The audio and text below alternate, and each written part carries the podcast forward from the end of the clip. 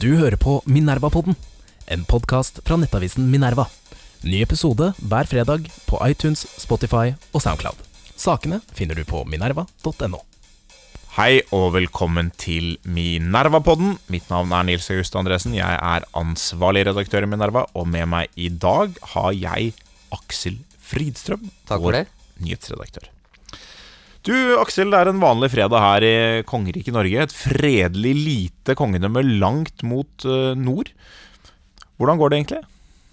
Nei, hvordan det går eh, En reality-kjendis har blitt eh, president i Det hvite hus, og et eh, nytt virus har brutt ut av Kina og smittet millioner, inkludert eh, denne presidenten. Den norske godhetsindustrien er nå så dårlig stilt at Geir Lippestad måtte stifte et eget parti for å redde den. Uff da. Og eh, Jan Bøhler har blitt medlem av det gamle Bondepartiet. Og ikke nok med det, så er Oslopakke 3 i fare. Men uh, for meg så går det egentlig ganske bra. Hvordan går det med deg? Du, det, det går bra. Det går veldig bra. Det er et minne om et gammelt Napoleon-sitat. Han kom tilbake fra et, det man må kunne kalle et relativt mislykket korstog til Russland. Eller en uh, invasjon av Russland. Der en halv million mennesker strøk med, og hele hæren ble utslettet. Men keiserens helse var bedre enn noensinne. Litt som her, altså. Det er en kaotisk uke, rett og slett, Aksel. Eh, la oss begynne med, med Trump. Han er smittet av koronavirus. Hva betyr det for, for, eh, for oss, for, for verden og for USA? Hva kan skje? Nei, det blir jo spekulasjoner, selvfølgelig, men det er jo det mest sannsynlige utfallet, selvfølgelig, er at han blir frisk, og at han blir frisk, egentlig, ganske raskt. Eh, selv om han er i det du kan kalle for, for risikogruppen, da. Han er jo gammel og litt overvektig og har ingen skattbar inntekt, men eh, eh, likevel så har han nok ganske gode forutsetninger for å klare seg bra, og det står også et enormt apparat til disposisjon for han da, for, å, eh, for at han skal kunne bli frisk.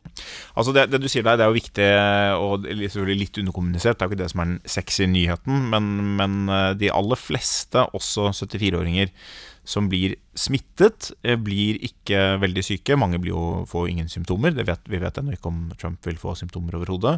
Mange får ingen symptomer. No, ganske mange får symptomer. Eh, man regner vel med at eh, rundt 11 eh, blir innlagt på sykehus, eh, og en liten andel dør. eh, 2,7 har, har jeg sett. Eh, det, det, man, finner sikkert litt ulike tall rundt omkring på nettet. Eh, Som du sier, så, så har Trump et veldig godt apparat rundt seg, og man har også blitt noe bedre til å, til å behandle dette. Så sjansen for at han skal dø, er jo liten. Men han Eh, har noen symptomer, sier de nå i New York Times. Fikk jeg akkurat med meg rett Ja, før vi gikk på podkast. Han har litt sånn Ja, det forkjølelsessymptomer. Ja, det øker da sjansene, fordi da er han jo ikke i den asymptomatiske gruppen. Så, men det er jo likevel da størst sjanse for at han, han blir frisk eh, ganske fort. Eh, og og det, det er jo ett utfall. Hva slags konsekvenser har det? Det, det har jo det, det han vil forsøke å bruke det til, dersom det skulle være tilfellet, vil på den ene side kunne være at det kan spille opp en idé hos mange av hans tilhengere om at koronaviruset ikke er så farlig, ikke engang for de eldre. Eh, Det andre som han helt sikkert vil prøve å bruke det til, som er kanskje litt motsigende mot det første, men selvmotsigelser har ikke pleid å hindre Trump i veldig stor grad, så jeg vil lette på at han går for begge to. Det vil være at Trump har fantastisk helse, er en supermann, er redningen for USA. Og at det kan kontrasteres til Biden, som tilkjennegir at han er mer bekymret for viruset og lar seg avbilde med, med maske og den type ting. Ikke sant, er- så det vil spille på den macho-gruppen. Jeg er ikke sikker på om det kommer til å være en vinnende strategi. Det er over 200 000 amerikanere som er døde. Eh, Det er ikke noen trøst for dem at en del overlever. Viruset er på vei opp en del eh, steder, og den gruppen som mest er mottagelig for dette budskapet hos, fra Trump, er nok trygge Trump-velgere allerede, og har vært det lenge. Så det er ikke sikkert han snur noen velgere på dette, men det er nok det han eventuelt vil bruke det til. Så det er ett utfall. Men så finnes det jo andre utfall. Altså Han kan jo faktisk da bli eh, innlagt på sykehus. Det er relativt sannsynlig. Og Ja, i hvert fall hvis han har nå litt symptomer, så kan du si at det kanskje er litt mer sannsynlig enn den 10 risken. ja det, da er det allerede risken. vesen, allerede vesentlig mer sannsynlig. Uh, og da kan han uh, Du kan jo si at eh, nå er det jo, nå er det 30 dager omtrent, eller 32 dager til valgdagen. Og for Boris Johnson sin del så tok det jo omtrent ti dager å ut, i, ut i sykdomsløpet at han ble så dårlig at han måtte på sykehus. Og uh, antagelig så ville man, man i hvert fall måtte vente i 10-14 dager før man egentlig ville kunne se om det ville kunne skje med Trump, og innen all den tid så må han jo være i karantene. På, på sett og vis er han jo satt, satt, satt, satt litt ut av uh, spill. Han har jo selvfølgelig Twitter, som han er flittig bruker av. Men eh, hvis han sier at han skal ende opp på sykehus, så kan det jo bli en, en veldig, veldig, veldig spesiell situasjon, for da vil det man jo potensielt sett komme i den situasjonen at eh, han fremdeles ligger på sykehus på valgdagen. Eller at han kanskje er utskrevet av sykehuset, men det er litt uklart om han egentlig har blitt helt frisk. Altså det er veldig mange, veldig, veldig mange sånne scenarioer. Det er det. Så det, Hva som da vil skje, tror jeg er helt uklart. Man kan starte en prosess med å, å forsøke å, å, bytte ham ut på, på, valgsedlene. Det er nok mindre sannsynlig om man ikke faktisk skulle uh, dø. Uh, men man kan gjøre det. Det er ganske komplisert uh, og nesten upløyd mark, fordi Eh, for, fordi eh, det, det, altså det, har ikke skjedd før. Begge partiene har noen regler for hva man gjør hvis kandidaten dør før valget. Da er det de nasjonale partikomiteene som, som bestemmer hva som skal skje. Man, de fleste vil regne med at man da flytter opp en visepresidentkandidat, og så finner man en ny visepresident. Men utføringen her er at uh, dette skjer så sent at alle deadliner for å registrere sånt er for lengst ute. Det kunne man kanskje kommet rundt, uh, men et annet problem er at veldig mange allerede har stemt. Forhåndsvalget har pågått uh, lenge, mange har stemt. Og man må da finne ut hvordan man håndterer Eh, gamle og nye stemmer på, på, gamle og nye kandidater. Og det er ikke helt åpenbart hvordan det skal gjøres. Og det er jo da altså en risiko for at han dør, selvfølgelig. Det er en risiko for, for at det skal skje. Uh, det vil jo skape en veldig spesiell situasjon. Jeg er usikker på hva som vil skje med Trump-bevegelsen. Altså, min hovedinstinkt tilsier vel i en viss forstand at han vil kollapse uten ham. Men han vil også bli en liksom martyrperson som aldri ble overvunnet i et valg. Som han da nå ligger an til å tape med, etter meningsmålingene med 7-8 per dag. Uh, og etter de fleste modeller også ganske klart i, i valgmannskollegiet.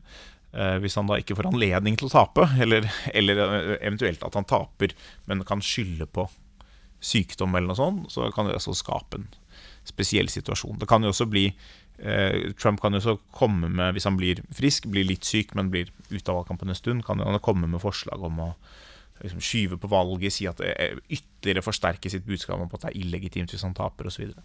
så det er ganske mange kaotiske utfall som egentlig åpner seg opp, og slett ikke alle som er eh, si, positive, sett fra et ønske om å bevare demokratiske institusjoner. Nei, og det som ofte er de type verste utfallene her, er jo hvis man Altså, dette blir jo potensielt sett enda en mulighet, da, så nå kommer an på utfallet her, men for at eh, liksom, spillereglene for valget kan trekkes i tvil, og, og, den type ting, som heller ikke er jo veldig heldig, da. Så det blir jo veldig, veldig spennende å se på hva som nå uh, skjer med han. Uh, og forhåpentligvis så blir han frisk, og at det ikke vil spille så stor rolle egentlig på, på, på utfallet av valget, da. Men det er jo Alt kan jo egentlig skje her. Alt kan skje, og de, alle utfallene her har en, en viss positiv sannsynlighet, for å, for å, si det sånn. Så det er veldig spennende, men, men, fortsatt er det sånn at det mest sannsynlig er at han ikke blir spesielt syk. Det er greit å være klar over, eh, men det er også en betydelig sannsynlighet for sykehusinnleggelse, og ikke helt ubetydelig risiko for død. Men vi eh, skal gå videre, Aksel, og før vi går videre til neste sak, så vil jeg eh, gjerne komme med en, en oppfordring, en anmodning, til våre lyttere. Vet du hva jeg skal over i nå? Skal du spørre om penger? Nå skal jeg spørre om penger. Nå har vi kommet til den delen av, av sendingen. Eh, det er den beste delen av sendingen, syns jeg. Eh, det er jo da sånn, jeg har sagt det før, jeg sier det igjen, vi, eh, vi, kan jo ikke leve bare av lytternes applaus og latter der ute i de, i de tusen hjem, men vi trenger også da noen penger. Men denne uken har vi et helt utrolig tilbud. Eh, for jeg har jo ofte, eh, eller alltid, anbefalt å gi 99 kroner. Si, og det er jo fordi jeg har sagt det før, det er mindre enn 100 kroner, men mer enn 98 kroner. En helt ideell sum å gi. Men nå har det seg sånn at vi også selger en papirsak som ble laget i forbindelse med koronakrisen. Vi samlet ti norske forfattere til å skrive eh, noveller og en innledende tekst om korona, litt modellert etter Boccaccios Decamerone som ble skrevet under svartedauden, eller etter svartedauden. Eh, og den kan man nå få for 99 kroner. Og vi, eh, her har vi da et mulig tilbud Altså. Du kan eh, måte støtte podkasten og lese denne Dekameronen. Da må du sende penger på, på VIPS til Medius Minerva og skrive Dekamerone og navnet ditt og adressen din. Så sender vi deg den. Så er det jo sånn, og dette vet vi Aksel, dette har vi snakket om mange ganger, det er jo ikke alle våre lesere som er kjempeinteressert i skjønnlitteratur. Eh, for mange så ville dette være bare nok en bunt med papir som tar opp plass i leiligheten, som de aldri ville finne på å løse. Og da er trøsten at det går an å ikke skrive det Kameronen, og ikke skrive adressen din, bare sende 99 kroner, og du er home free og slipper å lese denne skjønnlitteraturen. Så det, det, var dagens oppfordring til lesere. Én ting til som jeg gjerne vil si. Vi har en del lesere. Dette er faktisk et reelt problem. Jeg tar det opp fordi, eller en del lyttere tar det opp fordi jeg har blitt gjort oppmerksom på det. En del av våre lyttere eh, gir regelmessig 99 eh, kroner og er nå redd for å bli ruinert. Og det setter vi kjempestor pris på. Men vi vil si at hvis du er blant de lytterne som gir hver gang, da kan du gi litt mindre. Kanskje 49. Men Hvis du nå er en av de lytterne som aldri har gitt, så er det på tide å tenke på å gi. Og med de kloke ordene, Aksel, så går vi videre i sendingen. For du, du mente at det også hadde skjedd noe på, på norsk, politi, norsk politikk denne uken? Ja, det har skjedd mye. Stortinget åpner jo i dag rett over gaten for oss, men eh, før sesongåpningen så har det også vært et overgangsmarked. Og der har det skjedd mye, og det er jo særlig eh, eh, i og rundt Arbeiderpartiet på sett og vis det skjer. Jan Bøhler har jo eh, meldt seg ut, og han møter vel i dag nå da for første gang i Senterpartiets stortingsgruppe og skal eh, stille til valg for dem her i Oslo. Det er den ene utviklingen. Den andre utviklingen er jo at eh, også tidligere byråd for Arbeiderpartiet i Oslo, Geir Lipstad, har også meldt seg ut. Men han går da en litt eh, annen retning, kan du kanskje si. I hvert fall det kommer litt an på hvordan du tenker på det politiske landskapet. Men han har da laget et nytt parti som heter Sentrum, sammen med da en del såkalte røde KrF-ere. De som er på venstresiden i KrF. Og du har jo skrevet om dette, Nils August. Ja, jeg har det. Altså, det er jo mange ulike takes på, på denne saken. Og, og, så langt så er det mange som har fokusert når det gjelder sentrum, mange som har fokusert på hva det vil gjøre med KrF. Det er antagelig der de kan stjele noen, noen velgere, misfornøyde røde KrF-ere. Men jeg har skrevet i dag litt om Arbeiderpartiet, hva dette betyr egentlig for dem. Det er jo ganske interessant, disse to profilene, Geir Lippestad og Jan Bøhler, er så forskjellige som man kan bli innenfor Arbeiderpartiet. Eh, Bøhler representerer på en måte det, det gamle industriarbeidersegmentet, eller Oslo øst-segmentet. Eh, folk som er litt kritiske til innvandring, ikke er så opptatt av godhetsindustrien eh, og den, til å signalisere gode verdier uh, osv. Ikke så opptatt av klimapolitikk, uh, kritisk til i hvert fall usosial klimapolitikk som rammer uh, deres velgere, f.eks. bompenger. Uh, Lippestad er jo liksom den personen som får Jonas Gahr Støre til å fremstå som en knallhard realpolitiker som aldri har hatt en tåketale eller noe svada retorikk i sitt liv. Uh, ja. For å si det på en positiv måte, da. det er jo hyggelig å kunne bidra til å fremstille Jonas Gahr Støre i et sånt Det var deg som ønsker at Jonas Gahr Støre var litt mer abstrakt. Her uh, gir vi deg Geir Lippestad. Så, så, men det morsomme er at begge to har da gått til partier som har sentrum i navnet. Senterpartiet og sentrum. Men det er altså da veldig ulike deler av sentrum, helt på, på liksom motsatte sider av, av verdikonfliktene som rir politikken. Og det de på en måte viser, er Eh, at Arbeiderpartiet sliter helt enormt uh, med å tette lekkasjene i, begge ender av, båten. I den ene siden så lekker de velgere som er uh, misfornøyd med verdipreget svada-preik og for mye klimapolitikk og for mye innvandring, og at man har fjernet seg for mye fra en mer gammel arbeiderklasseidentitet. og på den annen side så har man mange velgere som er eksponenter for dette. Og man har jo lekket lenge allerede. Vi har jo dekket det før i forbindelse med kommunevalget i fjor. Uh, man har uh, lekket velgere til MDG, eh, spesielt i Oslo, og på landsbasis mye til Senterpartiet. Det som er spørsmålet nå med Jan Bøhlers overgang, er om partiet også kan begynne å lekke til Senterpartiet i byene. Da vil det begynne å se stygt ut for Arbeiderpartiet. Senterpartiet gjorde et byks ved kommunevalget i fjor i byene, men de er langt fra den toppen de hadde under EU-valgkampen i, i, altså ved valget før EU-valgkampen i 1993. Eh, og det den saken gjorde, var at mobiliserte på en akse som var på en måte mer eh, til stede i byene også. EU-kampen foregikk jo i byene også, selv om det var mer positiv enn en utenfor byene. Eh, men spørsmålet er om den konfliktaksen Senterpartiet i dag tjener på, og som Jan Bøhler kanskje kan styrke for dem, også kan fungere i en urban sammenheng da sliter Arbeiderpartiet enda mye mer enn det de har gjort. Ja, for det kan jo være at det liksom Bøhler egentlig liksom er liksom den, den brikken som liksom Senterpartiet har manglet her. for Hvis man liksom ser litt på Oslo-politikken, så ser man at eh, mange av de Altså det er jo en, en stor misnøye med, liksom, med bompenger og altså, Du kan si at MDG liksom er et parti som mange kanskje oppfatter som sårbant at det er klart å skape en by mot land-konflikt inne i Oslo. Uh, men de partiene som man skulle tro at eh, skulle begynne å tjene på det, sånn som f.eks. Fremskrittspartiet i Oslo, har jo ikke klart å, å kapitalisere på det. Og så har man hatt eh, eh, Folkeaksjonen mot bompenger, men den har vært mye mindre vellykket i, i, i, Oslo enn i Bergen. Men det er egentlig ikke noe grunn til å tro liksom at eh, dette segmentet ikke, ikke, finnes. Man kan spørre hvor, liksom, hvor, stort det er, men det er nok der. Og det er nok helt sikkert mulig å tappe inn i det hvis man bare finner den rette talspersonen. Og der tror jeg Jan Bøhler kan spille en ganske betydelig rolle for uh, Senterpartiet. Det, det, blir veldig spennende å, å se. Altså, jeg, jeg, jeg, liker her å spå i form av en helgardering. Og det, det ene er at eh, jeg vil si, det er i hvert fall et par mulige utfall. Det ene er at han fører med seg mange velgere over til Senterpartiet. Det andre utfallet er at han fører over seg noen.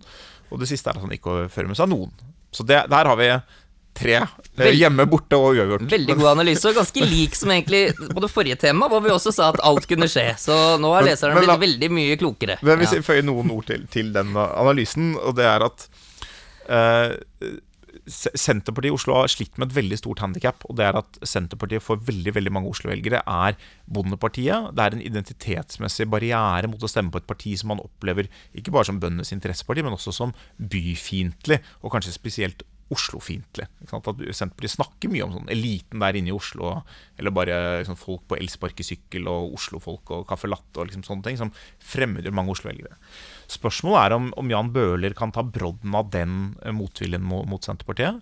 Og det er som du sier, sant, at vi har, Dette segmentet fins i Oslo. Frp har de siste årene mislykkes dels fordi de har hatt uh, mange dårlige politikere i Oslo-politikken, og delvis fordi Eh, den spesielle, og ekstra sterke fremmedfiendtligheten som har preget Oslo-partiet, eh, ikke har appell i Oslo.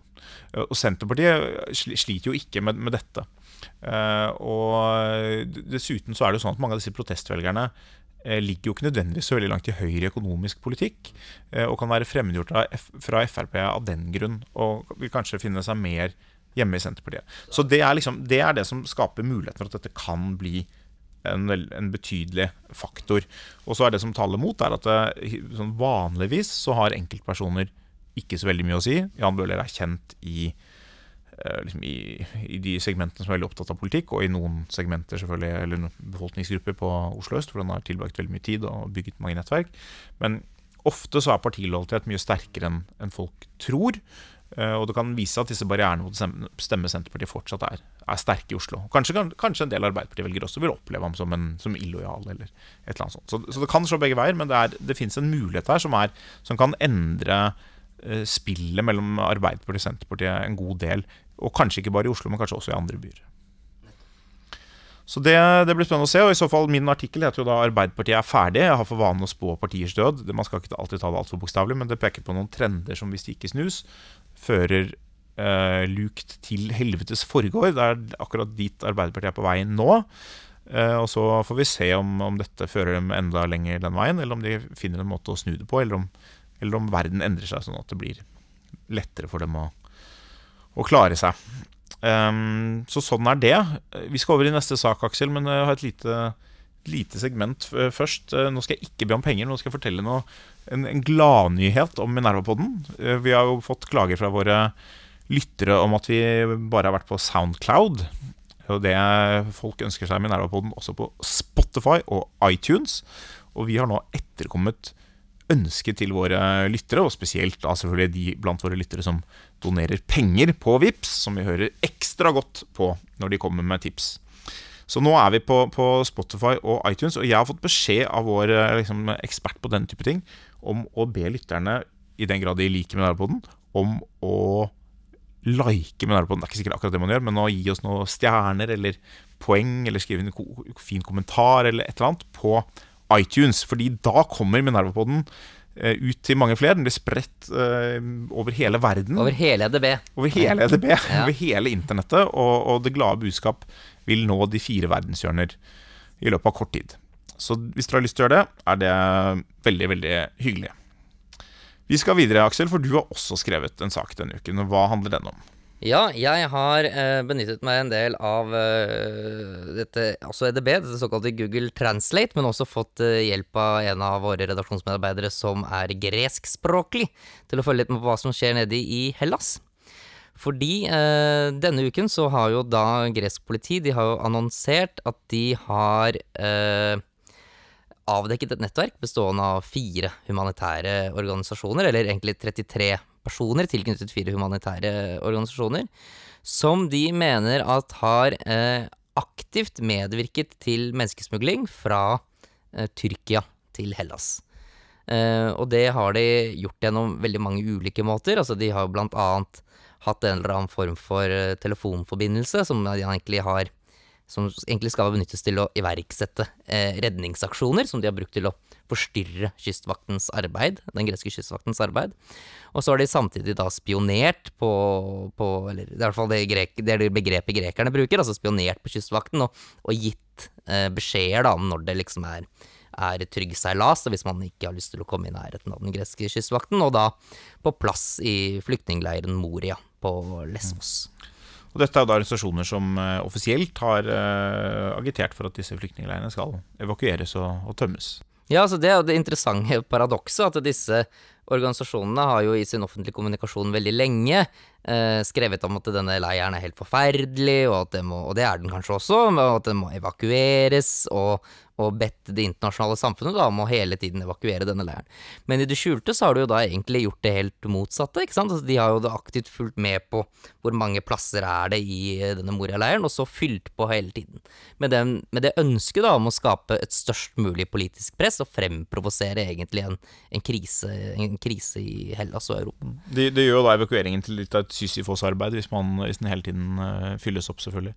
Det, det, er jo interessant dette, fordi det, det tar opp et et tema som eh, en konflikt som eh, har ligget der med denne type organisasjoner eh, mellom dem og si, mer realpolitisk orienterte politikere fra sentrum og, og, mot høyre, om at disse organisasjonene er liksom, De er ikke bare humanitære organisasjoner, men de er politiske aktivister som undergraver myndighetenes politikk i ganske stor grad, og, og ofte går inn for en da, veldig radikal agenda.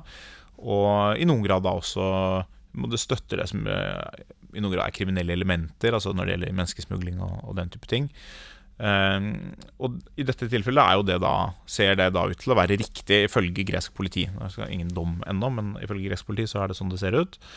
Uh, og det er jo en veldig interessant situasjon, og det er interessant å se hvordan norske uh, hjelpeorganisasjoner stiller seg til dette.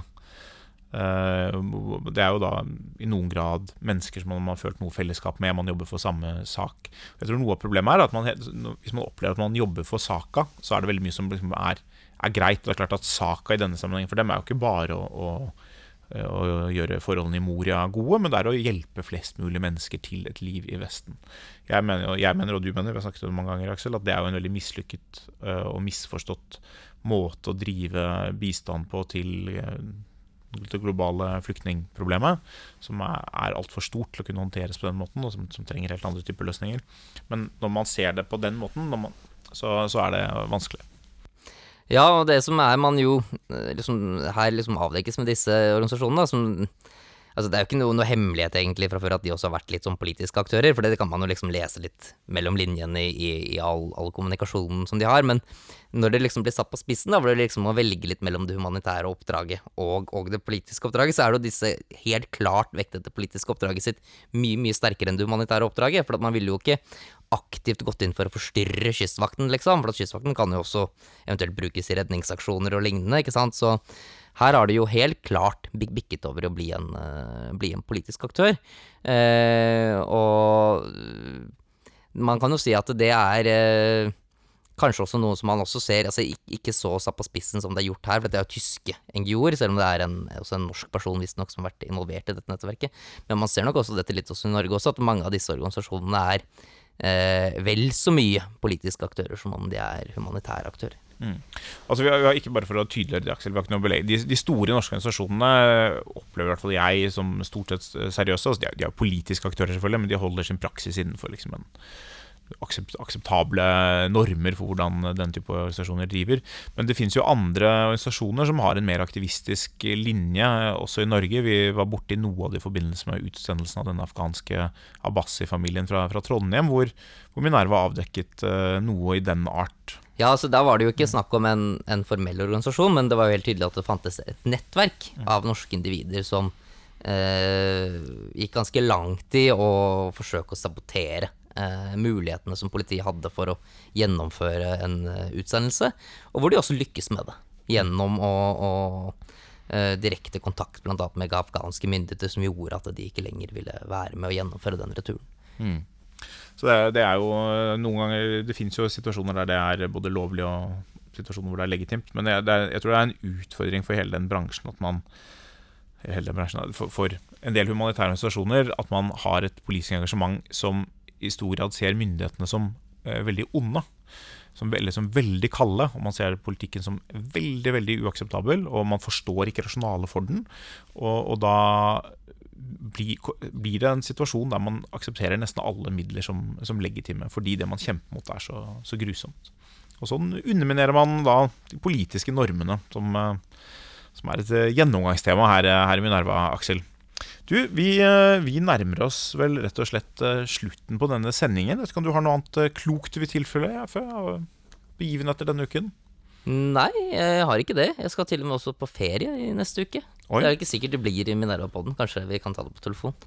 Da, da, får leserne og lytterne nyte denne Minerva-podden så lenge de kan, inntil vi har Aksel tilbake hos oss her. Så får vi se hva som skjer med, med Trump i mellomtiden. Vi får se hva som skjer med Arbeiderpartiet i mellomtiden.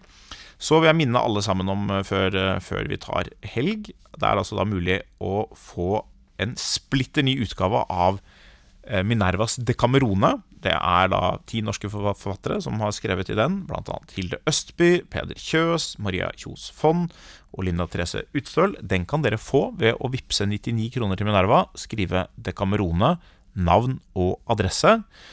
Og hvis dere ikke har lyst til å lese mer skjønnlitteratur og flere noveller enn Eh, nødvendig, så er det bare å droppe å skrive Decamerone. Trenger ikke å skrive adresse heller. Trenger ikke å skrive navn engang. Det er bare å vippse 99 kroner og ha en fortreffelig helg. Ha det godt. Adjø.